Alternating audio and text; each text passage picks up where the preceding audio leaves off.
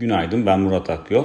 Haftaya oldukça iyimser bir başlangıç yapan BIST 100 endeksinde yukarı yönlü eğilim dün de devam etti ve endeks günü %0.8'lik değer kazanımıyla 2547 puanda tamamlamayı başardı. Teknik açıdan baktığımızda önceki paylaşımlarımıza da dikkat çektiğimiz gibi özellikle 2510 puan üzerinde kalındıkça yukarı yönlü hareket etme eğiliminin daha güçlü olacağını tahmin ediyoruz.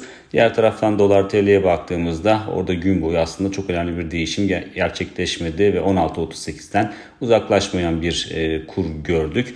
E, pariteye baktığımızda ise paritede e, hafif bir zayıflık söz konusuydu fakat buna karşın e, 1.07'nin üzerinde tutunan bir euro dolar paritesi görüyoruz. Orada da özellikle ECB'nin e, Temmuz ayından başlayarak e, faiz arttırımlarına gidebileceğine yönelik algının aslında e, pariteyi destekleyen bir zemin yarattığını söylemek mümkün. Ama dün e, enflasyon rakamının yüksek gelmesinin e, yarattığı bir baskı da söz konusuydu. Fakat ters taraftan baktığımızda tabii ki enflasyonun yüksek gelmesi e, önümüzdeki aylarda Temmuz ayından da başlayarak tabii ki ECB'nin belki de e, 25 bas puan değil 50 bas puan faiz arttırmasını bile gündeme getirebilir. Dolayısıyla bu beklentiler güç kazandıkça ve Eylül ayında da Fed'in e, beklemede kalma ihtimali e, arttıkça bunun pariteye destek verme olasılığının daha fazla olduğunu söyleyebiliriz ama şimdilik uzun vadeli görünümün çok pozitif olmadığını da not etmek gerekiyor.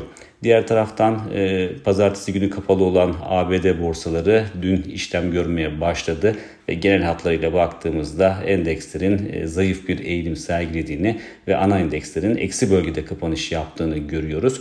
E, bugüne dönersek bugün makroekonomik veri tarafında özellikle PMI endeksleri ve Amerika'da açıklanacak olan ISM imalat endeksini takip edeceğiz. Özellikle ISM imalat endeksinin borsalarla da korelasyonu oldukça yüksek. Dolayısıyla endeksin seyri yatırımcılar tarafından dikkatle izlenecektir. PMI rakamlarında ise özellikle e, ekonomik aktivitenin son durumunu görme şansı bulacağız. Faiz arttırımlarının ekonomik aktivite üzerinde ne derece etkili olduğunu görmek için bu veriler oldukça faydalı olacaktır. Bir sonraki podcast'te görüşmek üzere.